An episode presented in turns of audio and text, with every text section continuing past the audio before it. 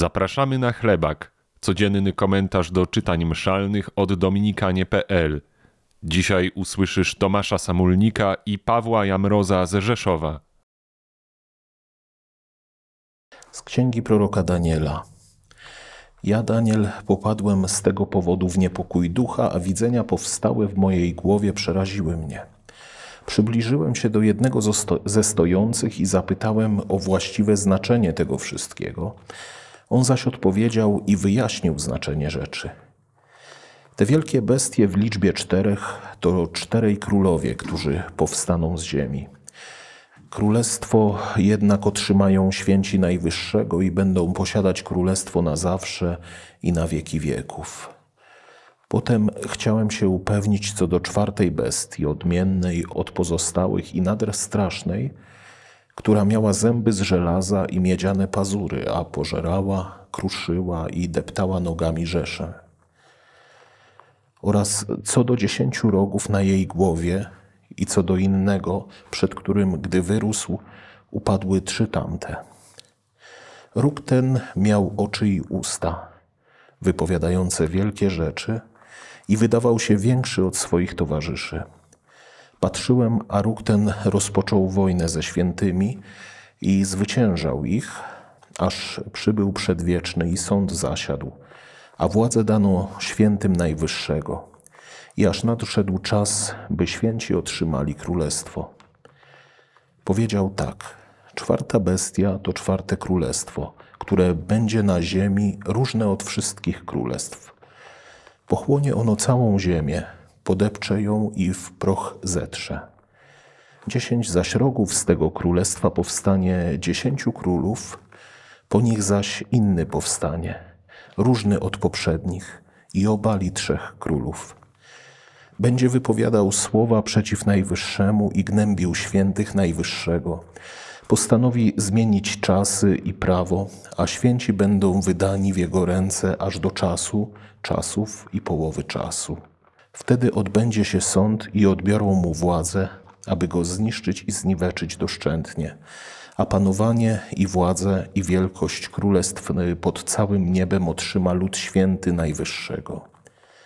Królestwo jego będzie wiecznym królestwem. Będą mu służyły wszystkie moce i będą mu uległe. W księdze Daniela w jej siódmym rozdziale, która jest kontynuacją y, wczorajszego y, pierwszego czytania, y, Daniel, prorok, pyta Boga o wyjaśnienie wizji. Prorok pyta o znaczenie wizji, zadaje pytania szczegółowe i otrzymuje odpowiedzi. Jest to dla nas ogromnie ważna wskazówka w przeżywaniu naszej wiary, w przeżywaniu naszego chrześcijaństwa, aby starać się pytać możliwie najbardziej szczegółowo. Myślę tutaj o pytaniach skierowanych do Boga, które często kierujemy na modlitwie, ale również o pytaniach skierowanych do osób być może bardziej kompetentnych od nas w wyjaśnianiu Słowa Bożego, zwłaszcza fragmentów pisma, z którymi się zmagamy, które są dla nas niejasne, których nie rozumiemy. Możemy również pytać teologów o wyjaśnienie yy, prawd wiary, które są dla nas trudne do zrozumienia. Kwestią jest nasza otwartość i nasza ciekawość dobrze pojęta. Bóg pragnie, abyśmy go pytali, abyśmy pytali o to, co dla nas jest niejasne. I z chęcią przyjdzie z udzieleniem odpowiedzi. Prorok Daniel, pytając Boga o znaczenie wizji, otrzymuje odpowiedź, którą jest obietnica królowania Najwyższego i otrzymuje potwierdzenie, iż jest to królestwo wieczne. Zło, jak pamiętamy z wczoraj, zostało zniszczone, a królestwo Boga jest królestwem wiecznym. Jednak zanim ono nastąpi, tutaj Bóg nie pozostawia złudzeń, wierni Bogu doświadczą ucisku, doświadczą prześladowań, doświadczą różnego rodzaju zamętu. Nie trzeba daleko szukać, aby zobaczyć również, że w tym świecie y, jest to naszym doświadczeniem.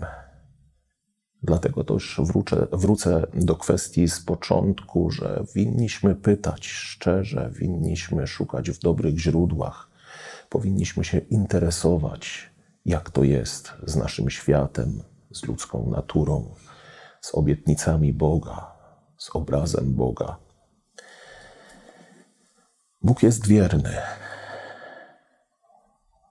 Dowiódł i dowodzi tego wielokrotnie. I wśród tych prześladowań, wśród ucisku, wśród zamętu, który jest naszym udziałem tutaj w tym świecie, wierność Bogu jest odpowiedzią i schronieniem, można powiedzieć, wobec y, tych rzeczywistości, które są właśnie niszczące, ucisk prześladowania, które są skądinąd nieuniknione y, w naszym życiu wierność i zaufanie wobec Boga, ciekawość, pytanie, wiara połączona y, z rozumnym jej przeżywaniem. Oto jedna z prawd, którą z tejże wizji apokaliptycznej możemy wyprowadzić dla naszego życia.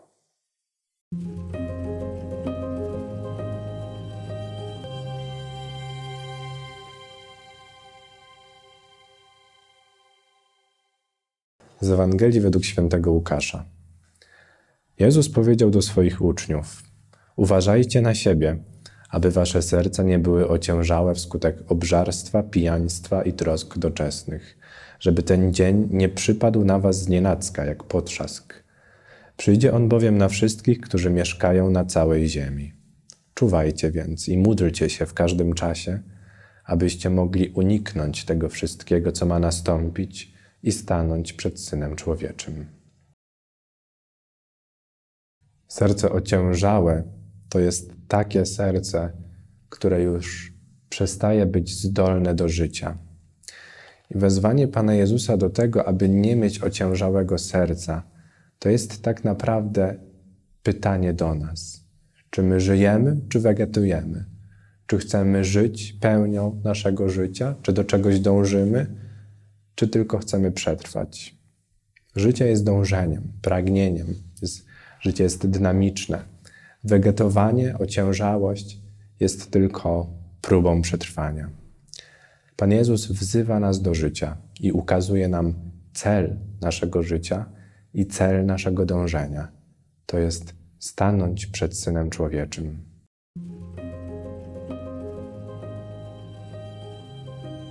Bez wsparcia patronów nie moglibyśmy nagrywać. Dziękujemy.